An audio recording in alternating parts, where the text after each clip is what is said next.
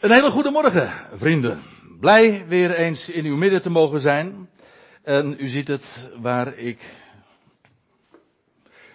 Ja, eh, u ziet waarheen ik u vanmorgen graag eens eh, wil meenemen. De vrucht van het licht. En dat is de uitdrukking die we zojuist ook hebben gelezen in Efeze 5. En het zijn een paar versen die ik er eigenlijk even wil uitlichten, omdat dat eigenlijk al uh, voldoende is om daar zomaar eens een, nou ja, zo'n uur als deze met elkaar over te denken. Het gaat over wat licht vermag. En hoe belangrijk licht is, maar de enorme kracht, de potentie die licht ook heeft.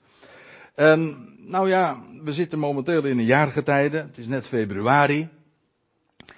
En, en voor degenen die een klein beetje opmerkzaam zijn wat er in de natuur plaatsvindt. De dagen lengen al. Het is nog niet echt heel erg dramatisch, maar toch, elke dag een paar minuten komt erbij. En wat licht dan vervolgens in de natuur doet. Nou, u hebt ze wel licht gezien. De sneeuwklokjes, de narcissen die komen er ook aan. En uh, ja, terwijl de natuur nog uh, voor een groot gedeelte heel erg doods schijnt, is daar vanwege het feit dat het licht toeneemt, niet alleen maar in daglengte, maar ook qua lichtintensiteit. Dat hebben wij misschien niet in de gaten, maar in de natuur gaat alles weer werken en gaat het ontluiken. Licht brengt leven met zich mee. En, en sterker nog, eigenlijk is die, zijn die jaargetijden ook een prachtige uitbeelding van ja, de Bijbelse boodschap. Namelijk dat het leven sterker is dan de dood. Ik bedoel, wat we zien in de herfst is dat de, de natuur gaat sterven. En in de winter is een uitbeelding van de dood. Het graf, alles is doods ogenschijnlijk. Jawel, maar als dan het licht weer door gaat breken, dan komt leven tevoorschijn. En daarmee ook bloemen. En feitelijk is dat dan het begin ook van vrucht. Het is een prachtig fenomeen. Zodat, ja, dat wat wij vernemen in de schriften, dat wat God heeft laten optekenen, dat wat hij gesproken heeft, dat loopt volkomen parallel en is volkomen in overeenstemming met dat wat hij gemaakt heeft. Niet zo gek. Het is allemaal één bron. Één creator die gesproken heeft. En die uitbeeldt dat wat hij zegt. Of die zegt wat hij uitbeeldt. Het is maar u het hebben wil. Heb ik u nog een uh, mooi voorbeeld? Wat zou dit voor een boom zijn, denkt u?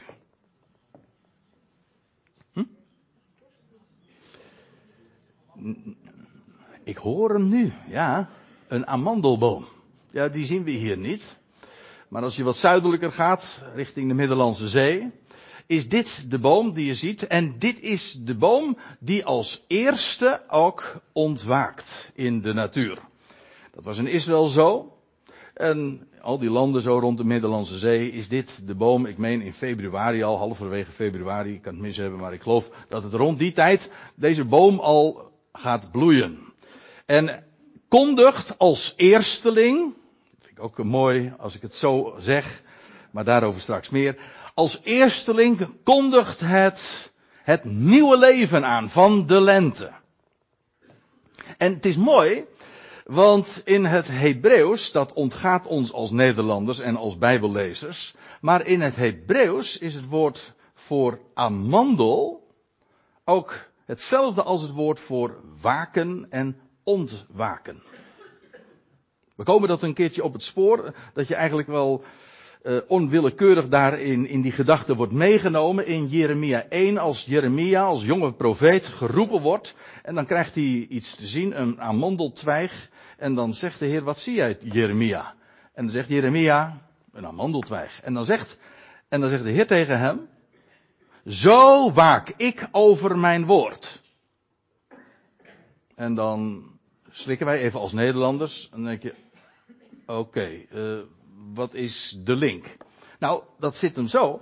Daarin dat een am, wie in het Hebreeuws zegt, amandel, of amandelboom, of amandeltwijg, of amandeltak, of amandelvrucht, die zegt daarmee ook waken en ontwaken. Dus als je in het Hebreeuws zegt, ik zie een amandeltwijg, dan zeg je, ik zie ontwaken. Nou, zo waak ik over mijn woord.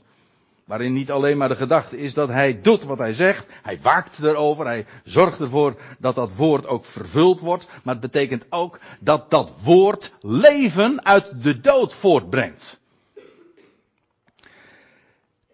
En dat brengt mij op nog een andere gedachte. En dat is bij dit plaatje wat u hier rechtsonder ziet. Daar zie je een priester hoge priester in het heiligdom en dan verzorgt hij daar de kandelaar. De menorah. En die dagelijks naartoe om, die, om dat bij te vullen met olijfolie. Dat is een prachtige betekenis, daar ga ik het nu verder niet over hebben. Maar u moet weten dat die amand, pardon, dat die menorah, die kandelaar, dat licht voortbrengt, feitelijk niks anders is dan een gestileerde amandelboom. En daarmee dus eigenlijk ook een uitbeelding is van de vrucht van het licht. Ik zeg een, gestileerde amandelboom, dat zit hem daarin. Als die beschreven wordt in, in de Mosaïsche wet, dan lees je dat uh, de instructies worden gegeven dat, die, uh, dat er amandelbloesem in, in uitgebeeld moest worden. Amandelvruchten, kelken en dergelijke. Iedere keer komt dat woordje amandel erin terug. Het is feitelijk dus een, een boom. Een stamboom met takken. En wat voor boom? Wel een amandelboom. Dus in het heiligdom staat een amandelboom. Bij wijze van spreken. Een volkomen gouden boom. Maar die boom beeldt uiteraard uit dat, ja, wat zich feitelijk vandaag ook in het heiligdom bevindt. In de wereld mag het dan donker zijn, maar in het heiligdom, daar bij God, is het licht. Daar brandt daar schijnt de amandelboom. Daar geeft de amandelboom haar vrucht, haar licht. Dat zijn, zijn schitterende gedachten. En dan zie je ook hoe de natuur daarin ook weer dezelfde sprake heeft. Als waar ik het zojuist over had. Als wat we in de schrift vinden. En die hoge priester die dan in het heiligdom ging. Die zorgde eigenlijk dus dat die, dat die boom, die menorah, daar licht gaf. De vrucht van het licht. Nou, dat zet ons zo al met een paar van die plaatjes en zulke gedachten vanuit de natuur ons meteen ook op het spoor. En laten we dan maar eens de overstap maken naar Efeze 5.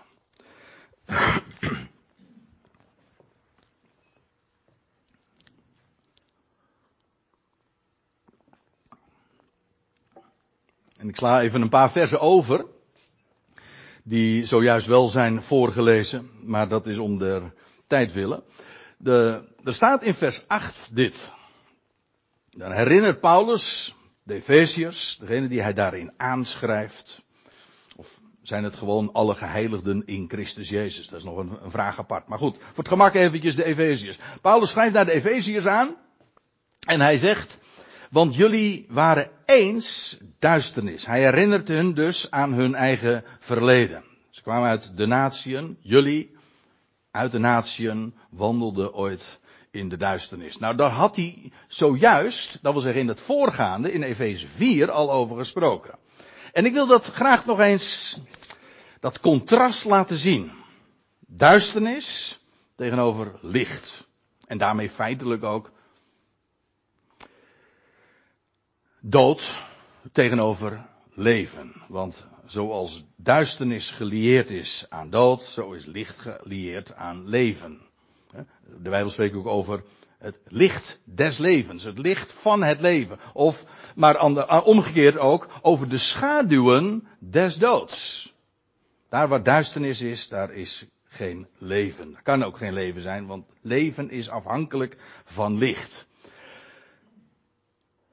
Ik zei al, in Efeze 4 had hij daar al op, uh, hen op gewezen. En dan zegt hij dit tegen die Efeziërs. En om eventjes nog uh, een ding te benadrukken. Wat ik u vanmorgen veel, vooral wil laten zien, is hoe enorm belangrijk licht is. Dat wil zeggen dat wat alleen God kan creëren en hoe daardoor, alleen daardoor leven en vrucht ook ontstaat. Het begint bij licht. Houd die vast. Goed. Efeze. Oh, daar staat een foutje. Dat moet ik nog even corrigeren voordat het op het internet gaat. Dat wil zeggen voordat het op de computer. Uh, nee. Voordat het op de website gaat. Uh, het is Efeze 4 dus. Hè? Uh, daar staat dit. Dit zeg ik dan. En betuig in de Heer. Paulus spreekt hier. Hij had inmiddels geweldige dingen gesproken over de verborgenheid die God hem ook geopenbaard had. Heeft het op mogen tekenen. En dit zeg ik dan, betuig in de Heer, niet langer te wandelen zoals ook de natieën wandelen. Dat wil zeggen waar zij ook deel van uitmaakten. De heidenwereld. In de zinloosheid van hun denken. Dit is een wat letterlijke weergave, wijkt misschien wat af van de vertaling die u nu voor u hebt in de Statenvertaling of in de MBG-vertaling. Maar zo staat het er. Hij zegt, niet langer te wandelen zoals de natie. Hij zegt, hoezo? Wel, die leven nog in de, leven tussen aanhalingstekens, in de zinloosheid van hun denken. De ijdelheid. Het gaat eigenlijk nergens over. Ze kennen, dat is, heeft trouwens helemaal niks te maken met intelligentie. Hè? Dat even voor de goede orde. Zinloosheid van denken wil niet zeggen dat het domme mensen zijn en dat ze eh, helemaal niet weten hoe ze moeten denken. Nee, het punt is, zij zijn verduisterd. Niet onintelligent op zich. Het ontbreekt hun niet aan IQ. Maar voor werkelijk het verstaan van de zin der dingen heb je licht nodig. Moet je weten waar je vandaan komt. Moet je weten waar je naartoe gaat. En dan ben je afhankelijk van openbaring. Dat wil zeggen, God moet dat tonen, moet dat bekendmaken. Zonder dat, ja, ben je dus gewoon in de zinloosheid van je denken bezig. Trouwens, dit is helemaal niet eens een belediging, want vraag maar eens een keertje aan een willekeurig uh, hooggeleerde mensen in deze wereld. En die zullen zeggen van, ach, alles in deze wereld, alles is uh, volkomen zinloos. Het gaat eigenlijk nergens over. We komen uit een Big Bang voort en er is geen doel, geen ontwerp. En het bestaan is zinloos. Ik heb het uh, heel wat mensen, ik zou heel wat namen zo voorbij kunnen laten gaan die we allemaal kennen. Bekende Nederlanders die de reputatie hebben zeer ontwikkeld te zijn, dus daar ontbreekt het niet aan. Belezen, veel meer dan u en ik. Nou, in ieder geval dan ik, laat ik het zo zeggen. En toch zeggen ze, ja, het is allemaal zinloos. Nou, dat is precies wat Paulus dus over heeft. In de zinloosheid van hun denken. En dat dat inderdaad te maken heeft met het ontbreken van licht, blijkt wel, want dan zegt hij, uh, die natie die wandelen in zinloosheid van hun denken. Het gaat er niet om dat ze, dat hun, dat hun wandel, dat ze niet weten hoe ze hun, eh, de ene stap voor de andere moeten zetten. Maar het gaat erom dat ze in hun wandel, de inhoud, in hun denken, weten ze helemaal niet wat het doel is. Wat de zin van de dingen is. En dat is, ja, u begrijpt, dat is belangrijk. Om zin in je bestaan te hebben, ja, dat bedoel ik trouwens ook dubbelzinnig. Om zin in je bestaan te hebben. En mensen zeggen van ja, het bestaan heeft geen zin, je moet er maar zin in. Eh, het gaat er maar om dat je er zin in hebt. Maar dat is subjectief. Het gaat erom juist dat het bestaan zin heeft. Of je het altijd hebt, dat is een ander verhaal. Dat maakt niet zoveel uit. Nee, dat meen ik echt. Emoties, ach, dat zo, uh, Gaat zo op en neer allemaal. Gaat daar vooral niet op af. Laat ik even verder lezen. In de zinloosheid van het denken, en dan zegt hij, verduisterd zijnde in de denkwijze. Daar zie je precies dus dat het te maken heeft met het ontbreken van licht. Want dat is wat duisternis is. Duisternis is niet iets, een ding. Duisternis is juist dat er iets ontbreekt. Namelijk licht. Zoals dood ook niet iets op zich is, maar het is het ontbreken van leven.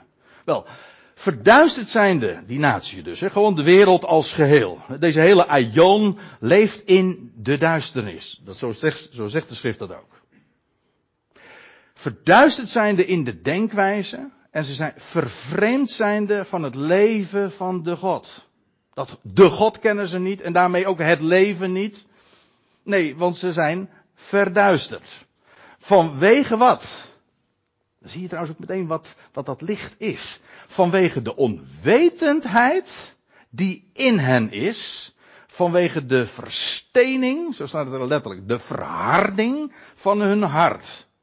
Dat heeft dus alles met elkaar te maken. Het een heeft het ander tot gevolg, of dat gaat allemaal hand in hand. Daar waar, waar verduisternis duisternis is, daar, daar ontstaat ook vervreemding. Logisch trouwens, want als je in de donkere wandelt, dan zie je elkaar niet meer, raak je elkaar kwijt.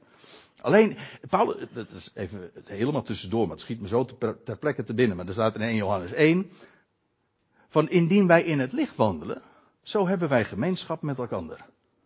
Dat is niet iets, het deel hebben aan elkaar, elkaar kunnen zien, met elkaar wandelen, dat heeft alles te maken met wandelen in het licht. Dat maak je niet, zo'n geloofsgemeenschap maak je niet door dingen te organiseren. Dat is wandel in dat licht. Zo hebben we gemeenschap met elkaar. Dat is een geweldige ervaring. Dat, die duisternis heeft vervreemding tot gevolg. Je, hebt, je kent de God daardoor ook niet. En er staat ook vanwege de onwetendheid die in hen is. Wat is iemand die verduisterd is? Ja, daar, is, daar ontbreekt licht. Hè? En dan wordt het heel erg hard. In het hart. Hè? Hart met een D, in het hart met een T. Dat versteent. Maar dat is allemaal het gevolg van onwetendheid. Geen weet hebben van wie God is en wat Hij te vertellen heeft. Want dat is licht. Als je dat licht niet hebt, ja, dan ben je, dus wandel je in de duisternis met alle effecten en alle gevolgen van dien. Maar dan zie je dus ook hoe fataal onwetendheid daarin is. Het begint met dingen weten. En dan moet je goed, dan moet je de dingen wel echt weten. De dingen van God. Moet je zelf verzinnen, dus dan loop je juist nog in de duisternis. Licht heeft te maken met wat God geeft. Klaarheid geeft. Helderheid. Zin. Oorsprong. Ook de oorsprong ga je verstaan. En zodat je je ook kunt oriënteren, want dat heeft alles met elkaar te maken. Als je wil weten waar je naartoe gaat, dan moet je eerst weten waar je bent. Heeft ook alles te maken met de vraag van, ja, waar kom ik eigenlijk vandaan? Je oriënteren. Wat trouwens ook een mooi woord is, want dat betekent letterlijk je richten op de Oriënt. Het oosten, dat wil zeggen waar het licht opkomt. Hm? Waar de zon opkomt. Maar goed. Licht. En die, je moet dingen, je moet de dingen weten. En dat is precies ook wat de, wat het woord doet. Het woord is licht. Dat weet u toch, hè? Hoe vaak staat dat niet in de schrift? In de psalmen al. Uw woord is een lamp voor mijn voet en een licht op mijn pad. Johannes 1. In het woord was leven en het leven was het licht der mensen. Altijd weer. Zoek het maar eens een keer op in de Bijbel. Nou, u krijgt een hele waslijst hoor, van teksten waar dat allemaal diezelfde waarheid naar voren gebracht wordt. Maar dan moet je, je moet weten. Je moet weten wie de God is. En dat we daar, de God, hè, die ene, die alles gemaakt heeft. Maar als je dat eenmaal weet, mensen, echt, als je eenmaal weet dat de God de schepper is van alles, maar hij ook werkelijk God is en hij alles een plek geeft. En dat er niets en niemand buiten dat plan omgaat.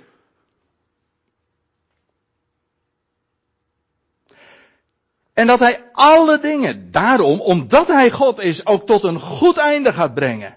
Ja, dan heb je weer zin. Dan weet je misschien nog niet zo heel veel. Dan ben je, dat wil helemaal niet zeggen dat je ineens een hoge IQ hebt. Dat heeft er allemaal niks mee te maken. Maar je hebt licht. Je weet hoe het zit. En omdat je weet hoe het zit, heeft je bestaan zin. En daarmee ook inhoud. En dan gaan de dingen stralen ook. Het is, ja, het is, uh, als, als ik het zo zeg, denk ik van ja, het is allemaal heel ABC. Het is zo logisch. Ja, maar dat is nu juist zo mooi. Licht is niet gecompliceerd. Nou ja, ik, als, u als u mij gaat vragen om uit te leggen hoe dat natuurkundig het fenomeen in elkaar zit, dan ben ik bang dat ik erg gauw over mijn woorden ga struikelen. Nou ja, ik hou gewoon gauw mijn mond. Want dat, daar, daar komt wat bij kijken. Maar om licht te zien, er is niet veel voor nodig. Dat is nog een tekst. Dit is Efeze 4. Over die, Paulus herinnert dus die Efeziërs aan de duisternis waar ze ooit in wandelden. Ze wisten dat nog maar al te goed. Dat contrast kenden zij aan de lijve dus. Hè. Ze zijn van de duisternis overgegaan in het licht. Ze waren onwetend wie God is en omtrent zijn woord en dat wat hij te melden heeft. En nu weten ze. Oftewel, ze kennen het licht. Romeinen 1, dat is ook zo mooi. En u zegt, die tekst heb ik van jou wel eens een keertje vaker voorbij horen komen. Klopt. Hij hoort bij mijn favorieten. Ik vind hem ook erg essentieel. Want daar, daar, lees je ook dat Paulus, daar heeft hij het eigenlijk over hetzelfde fenomeen van de, hij, hij kenschetst de wereld die in de duisternis wandelt. En hij zegt, ja, iedereen weet diep in zijn hart dat God er is.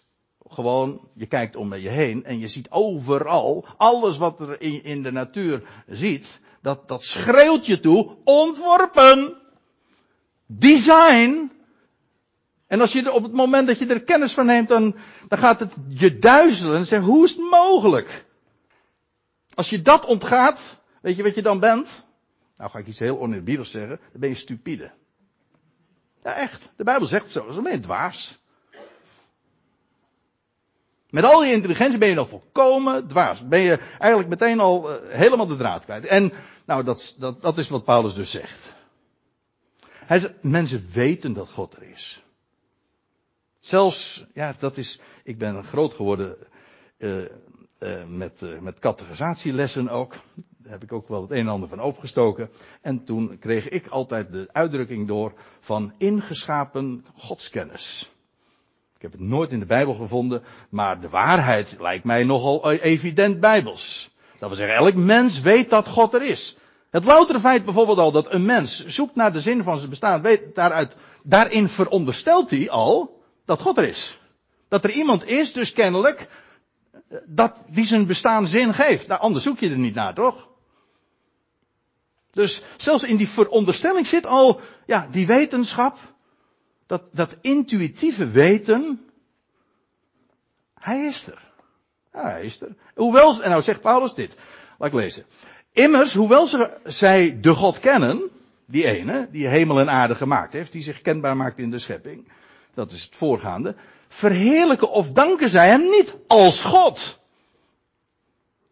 Ze, ze weten dat hij er is, maar de consequentie daarvan is dus dat zij, als hij de schepper is, ben ik dus een schepsel. Een, een creatuurtje, werk van zijn handen. En dat betekent dus dat mijn bestaan eh, volkomen betekenis ontleent aan het feit dat hij er is. Het gaat niet om mij, het gaat om hem. En dat betekent dat je hem zijn heerlijkheid in het licht mag gaan stellen. Dat is de zin van je bestaan. Waarom ben ik er hier? Nou gewoon om hem, om hem zijn heerlijkheid in het licht te stellen. En die is groot hoor. Ik bedoel, de, de heerlijkheid van de schepping is al zo geweldig. Hoe groot moet degene zijn die daarachter zit? En die mij lief heeft. Kijk, dat is hem de heerlijkheid geven. Als je adem in je longen hebt, ja, ja waarom? Alles wat adem heeft, loven de Heer. Ja, waarom, waarom halen we adem? Nou, om Hem te loven. Daarom. Goed. Hoewel ze de God kennen, verheerlijken of danken zij hem niet als God. Dat danken, dat gaat ook natuurlijk hand in hand met dat Als hij namelijk God is en hij achter alles is, hij alles een plaats geeft, want dat is wat betekent dat hij God is. Hij geeft alles een plek. In tijd, in ruimte. En wij begrijpen, laten we laten we wel wezen. En er zijn van die perioden in je leven dat je daar zo vaak bij bepaald wordt. Hè, dat, dat we eigenlijk niks begrijpen van waarom de dingen gaan zoals ze gaan. Dat kan zijn in je persoonlijk leven of iets, iets breder of in het grote geheel. Dat je van waarom? Waarom? Geen idee. Maar weet u wat ik nou zo mooi vind? Als je God kent, hoef je het ook niet eens meer te weten. Dan is meer dan genoeg om te weten, hij weet het al. Hoef ik het. Waar, wie, wie ben ik om dat allemaal te overzien? Ik overzie niet eens mijn, mijn eigen leventje. Laat staan het, het, het grote geheel. Ik weet niet eens, we weten nog niet eens wat, wat de dag van morgen gaat brengen. Of, we een mega maken zelfs. Dat weten we nou. We weten helemaal niks. Maar hij, Hij de schepper. Hij plaatst alles. En als je dat weet, ja, dan, ja, dan krijg je de vrede van God. Dat wil zeggen de vrede die hij zelf heeft. Dat loopt hem niet uit de hand hoor. Onze paniek is niet de zijne. Ja, en dan wordt de vrede van hem, wordt jouw deel. En die gaat echt alle verstand, zegt Paulus ook ergens in, in Filippense brief, dan gaat, dan gaat alle verstand erboven. Dat wil zeggen, daar kun je met je, met je hersenen, met die paar pond, of ons, wat is het, grijze hersencellen, kun je, kun je echt niet bij. Ja, dat verschilt. Sommigen hebben wat meer. Die moeten wat meer meeschouwen. Maar, maar dat betekent dus, als hij God is, ja, hij plaatst al, maar dat betekent dus ook dat, ja, dan krijg ik dus ook de dingen. En als hij God is, en ik ben werk van zijn handen, dan ben ik dus ook kennelijk geliefd. Hij heeft mij gewild. Origineel concept van hemzelf. En, en als hij God is, ja, en hij brengt alles tot een goed einde, want hij is God. Dan, wat past mij dan anders dan de, de ganse dag hem te danken? Ja, dus dat klinkt wat overdreven, maar dat is toch echt de logische consequentie. En hem daarmee de eer te geven, te verheerlijken dus. Te danken. Weet u wat het mooie is? Als je dat gaat doen, dan word je een heel gelukkig mens hoor. Als je God gaat danken voor alles. Niet omdat jij het ziet of omdat je het snapt, maar gewoon omdat je weet van Hij heeft het in zijn handen. Dan krijg je een vrede, dan krijg je een rust, en dan weet je van, komt allemaal goed. Ga je Hem danken. Danken heeft ook alles met vreugde te maken. Afgelopen vrijdag hadden we een trouwdienst. Hè? Een aantal van u weten dat wel. Ik heb het toen ook mogen vertellen over, over, de, over de verwantschap tussen, tussen, tussen danken en, en blijdschap en vreugde. Danken ontketent de vreugde in je leven. Het begint met danken en vreugde is daarvan het gevolg, niet omgekeerd. Dat is belangrijk. Goed. Hoewel ze God kennen, verheerlijken of danken zij hem niet als God. Ze zijn misschien wel religieus. Ze verheerlijken hem misschien wel, maar niet als God. Ze hebben hun eigen godje. Die niet, niet als degene die alles beschikt en alles in handen heeft en alles tot een goed einde brengt. Weet u? Dat is licht, hè? Dit dit is licht. Dit is zo essentieel. Want als je dit namelijk, als je niet ziet dat hij God is, is duister. En u zegt van ja, maar ik, uh, ik ben christelijk. Zegt niks. De vraag is, ken je God? Als God. Zo niet, dan is duister.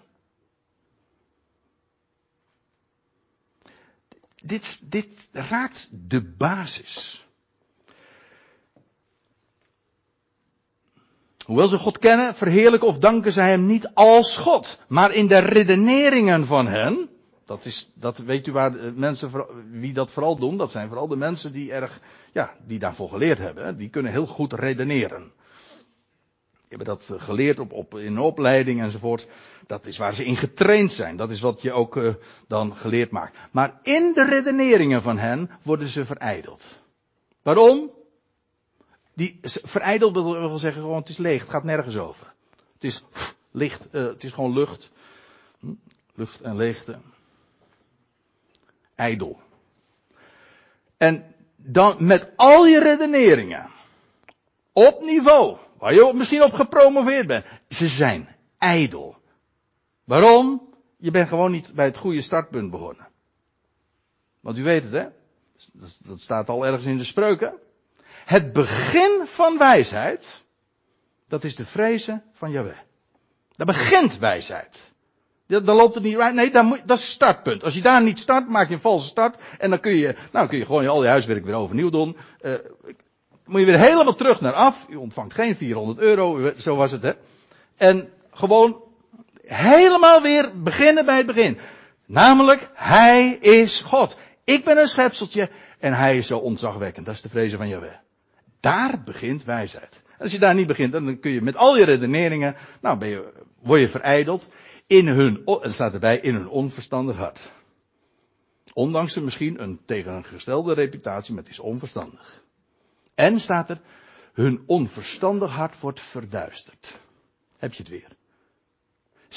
Men, men heeft de wetenschap van dat hij er is, heeft men ten onder gehouden. Dat is het ergste wat je kunt doen.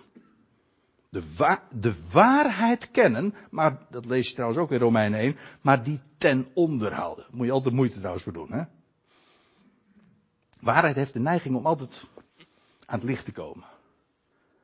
Dat is wel een mooie eigenschap van waarheid. Omdat het ook weer te maken heeft met licht. Waarheid moet je ten onder houden. Ik vergelijk het graag met een bal, hè? Een, een opgeblazen bal, en probeer die maar eens onder water te houden. Dat kan, moet je altijd moeite voor doen. Want zodra je hem loslaat, gaat hij weer naar boven, komt hij boven water. komt het aan het licht.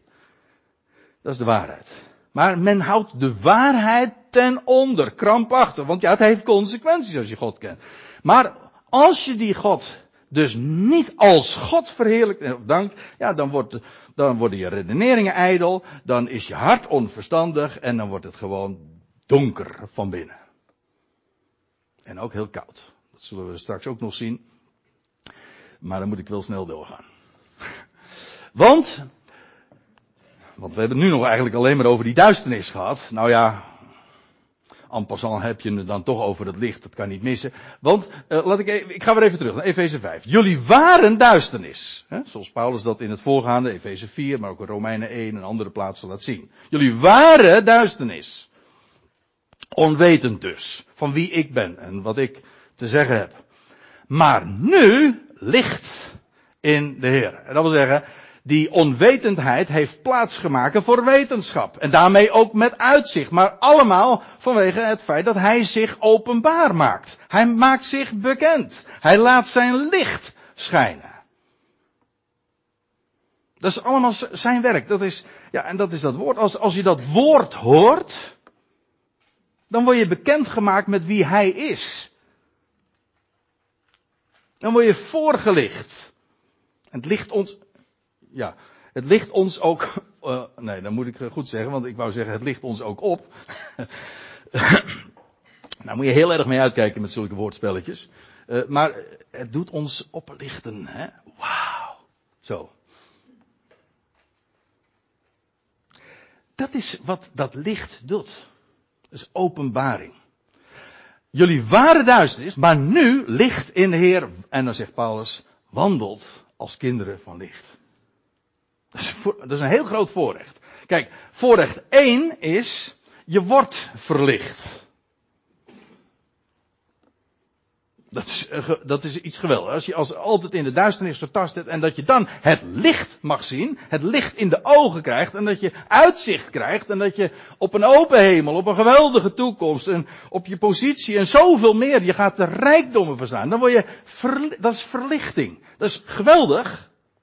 Dat is voorrecht één, maar vervolgens krijgt je bestaan hier op aarde Natuurlijk, in deze boze aion, in een sterfelijk lichaam, het is allemaal vergankelijk, en allemaal toestanden enzovoort. Maar dat is zo geweldig. Want je hebt dat licht in je hart. En weet u wat, eh, dat is ook een kenmerk van waarheid, maar van licht daarmee dus ook. Dat wil eruit. Je mag andere mensen vervolgens ook weer verlichten. Dat licht heeft het, dat wil schijnen.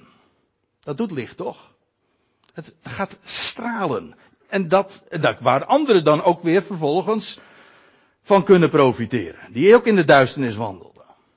Ik weet het, je ogen moeten ervoor geopend worden.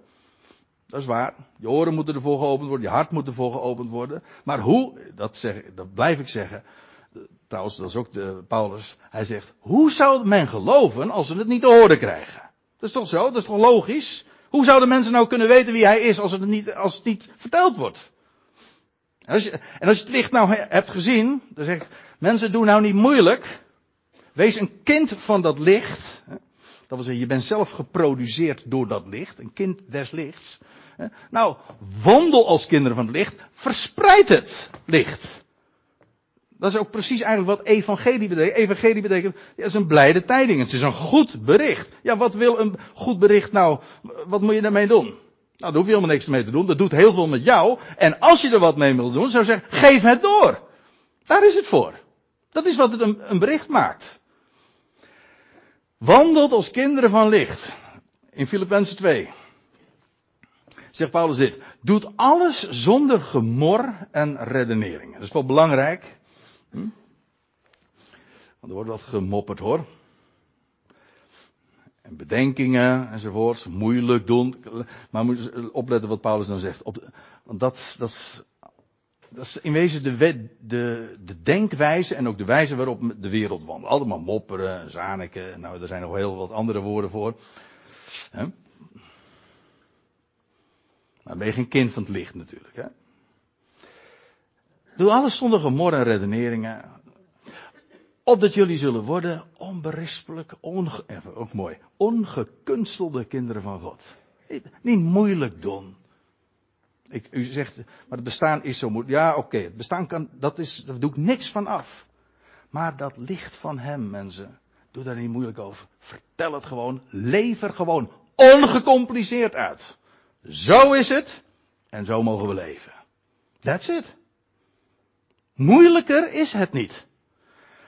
Wandelt zo ongekunsteld als kinderen van God smetteloos te midden van een kromme en te midden van een kromme en een verdraaide generatie.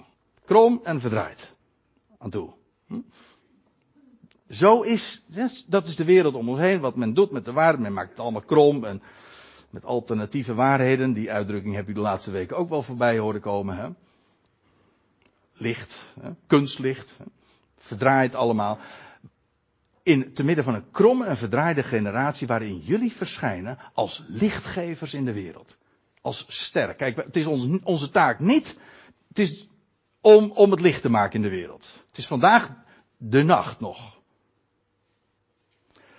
De dag gaat komen, dan zal de zon opkomen. Dat is allemaal bijbels taalgebruik. Als de zon, de zoon, opkomt over deze wereld, dan verdwijnt de duisternis in deze hele wereld. Maar nu is het nacht. Maar nu zijn er ook lichtjes, maar dat zijn sterren. En dat is precies onze taak, die aan de hemel geplaatst zijn. Dat is ook een mooie. Die aan de hemel geplaatst zijn en zo mogen we ons licht in een donkere wereld verspreiden. Het licht van Hem. Schitterend. Toch? Even terug naar Efeze 5 vers 9. Hij zegt, want de vrucht van het licht, we hadden het dus over duisternis, over licht, en nu over de vrucht van het licht. Dus dat wat licht veroorzaakt, bewerkt. Nee, uh, als vrucht geeft. In, in Galaten 5, als je trouwens een statenvertaling hebt, dan staat er hier in dit vers, Efeze 5 vers 9, maar het is, het is een, een handschriftenkwestie, maar het is abusievelijk, uh, de vrucht van de geest. Maar er staat de vrucht van het licht. Maar het uh, lijkt als twee druppels water wat, op wat Paulus schrijft in, uh, in Galaten 5. Die, die beroemde tekst over de vrucht van de geest. Dat is liefde. Eigenlijk de vrucht van de geest is liefde. En wat is liefde? Nou, dan zegt hij, dat is blijdschap, vrede, langmoedigheid, acht kenmerken dan. Allemaal eigenschappen van de liefde gods. Als je de liefde gods hebt leren kennen, ja, dan gaat dat, dan, eh, dan produceert dat een vrucht. En dat is nou ook mooi, die moet u ook even vasthouden. Die vrucht van de geest in Galaten 5 staat tegenover de werken van het vlees. Dus vlees tegenover geest. Geest is dat wat hij doet. Vlees is dat wat de mens allemaal doet. Het ene is werken, het andere is een vrucht. Dat groeit organisch. Er komt heel wat bij kijken, dat weet ik, voordat er een vrucht groeit. Maar het gaat zomaar. Het gaat er maar om dat het licht krijgt, water krijgt. Eigenlijk hetzelfde beeld. En dan groeit de vrucht.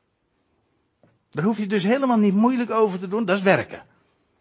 Gewoon, laat dat licht schijnen. En de vrucht van het licht, ja, dat staat hier, eh, want nu ga ik weer even terug naar Efeze 5. Daar, zegt, daar staat de vrucht van het licht. Als je even twee versen doorleest, in vers 11, dan wordt er gesproken, ik ga er nu verder niet op in, maar er wordt er gesproken over de onvruchtbare werken van de duisternis.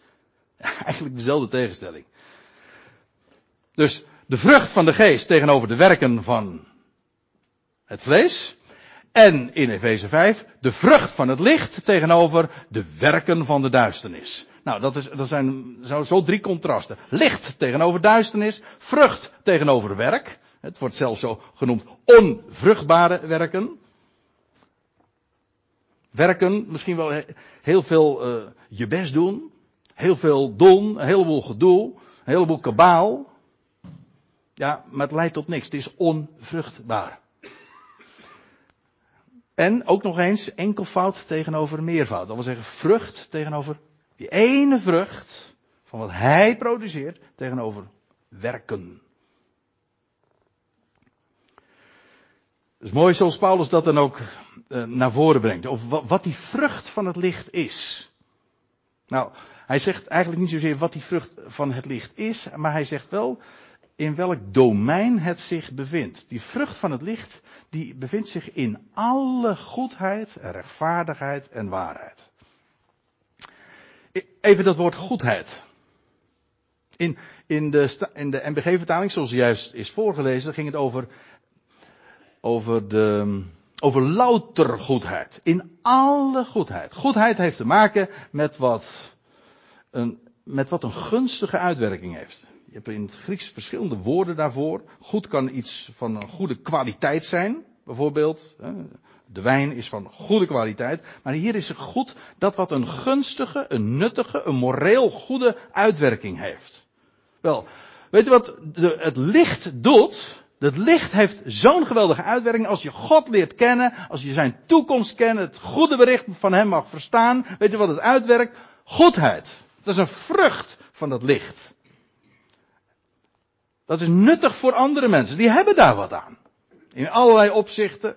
Ongeacht dan ook weer in welke plaats je in deze, in de maatschappij gezet bent. Als man, als vrouw, als werknemer, werkgever, whatever.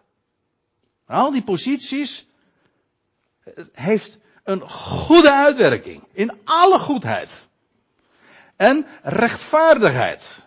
Dat is ook zo'n consequentie. Als het licht leert kennen, dan is de, dan is de vrucht daarvan, en die, u weet het, hè, dat, gaat, dat is niet van de ene op de andere dag, dat groeit. Geef elkaar ook alsjeblieft een beetje de ruimte daarin. Hm? Zorg ervoor dat het in het licht staat. Hm? Dat het licht schijnt. En die vrucht die groeit wel. Don't worry. Dat, dat, is echt, dat is echt belangrijk. Hè? Begint niet bij vrucht, begint bij licht. En die vrucht, groeit. Dat is precies tegenovergesteld van die werken. En dat is, dat is weer dat, is dat menselijke gedoe, dat ongekunstelde allemaal.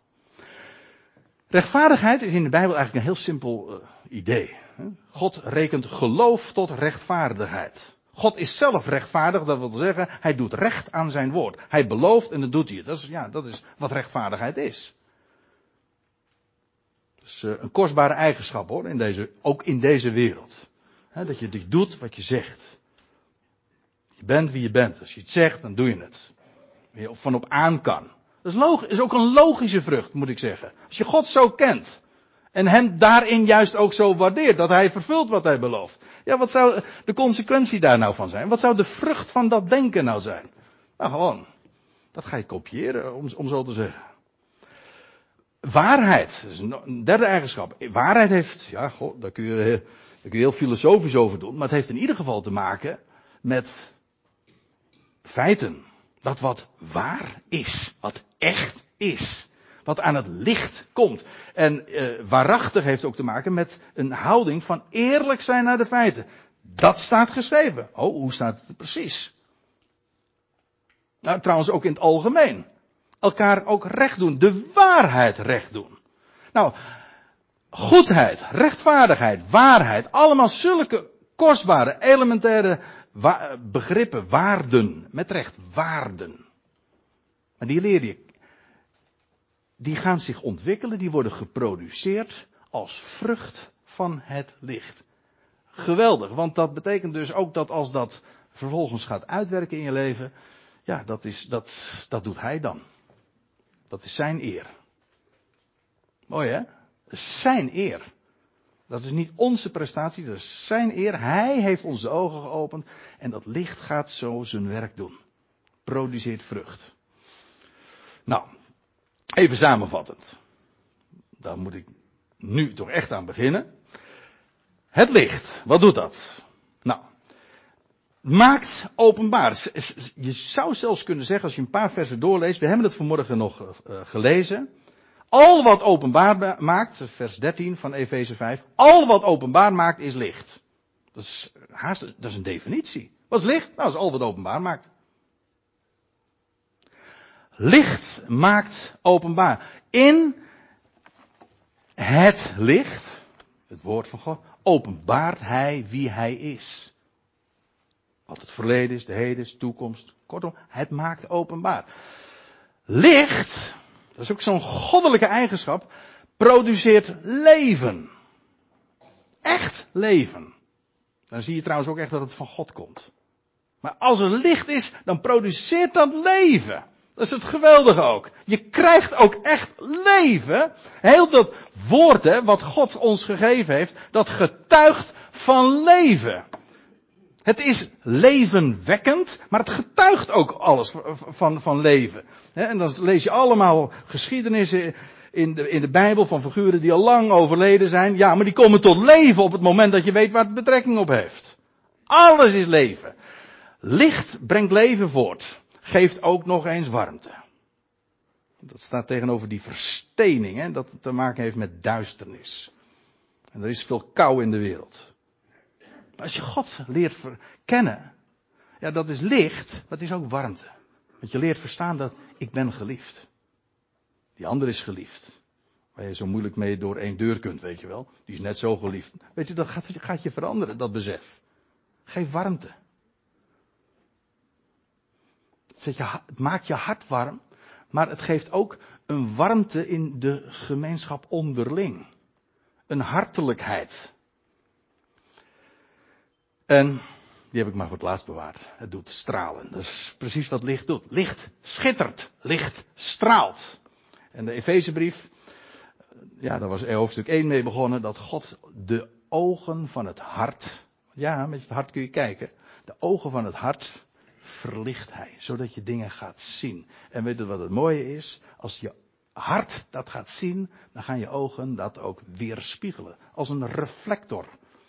Het weerspiegelt. Je ogen gaan schitteren, gaan stralen. Kortom, licht doet zoveel.